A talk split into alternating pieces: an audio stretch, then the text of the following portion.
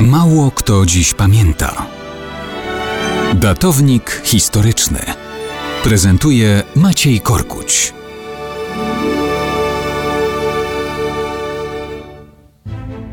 Umarł sułtan, niech żyje sułtan. Wczoraj mówiliśmy o tym, jak to zwycięski sułtan Murat I po bitwie na Kosowym Polu został zdradziecko dźgnięty zatrutym sztyletem i zmarł na polu bitwy.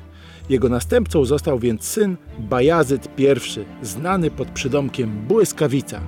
To nie był przypadkowy ozdobnik. Bajazyt odziedziczył po ojcu talenty militarne i organizacyjne.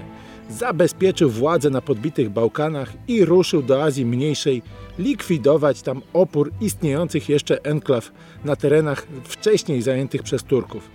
Ale w tym czasie w Europie Zygmunt Luksemburczyk zbiera rycerstwo czeskie, węgierskie, niemieckie, francuskie i burgundzkie. Z papieskim błogosławieństwem rusza przeciw Turkom do Bułgarii.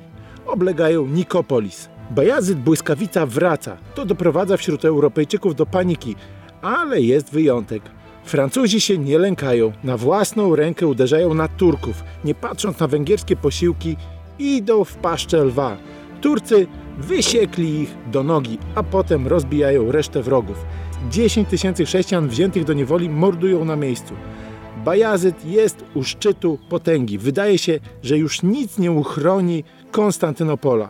I wtedy na scenę historii wkracza władca jednego z mongolskich azjatyckich ludów. Timur Chromy, zdobywca olbrzymich obszarów Azji Środkowej i Persji, uderza na Turków od strony Kaukazu. Turcy doceniają powagę sytuacji, zwijają oblężenie Konstantynopola i ruszają z armią na wschód. Lipiec 1402. Pod Ankarą dochodzi do wyniszczającego starcia Bajazyda z Timurem. Nieoczekiwanie to Mongol jest górą. Bajazyd sam dostaje się do niewoli. Umiera cierpiąc poniżenia ze strony Timura i Mongołów.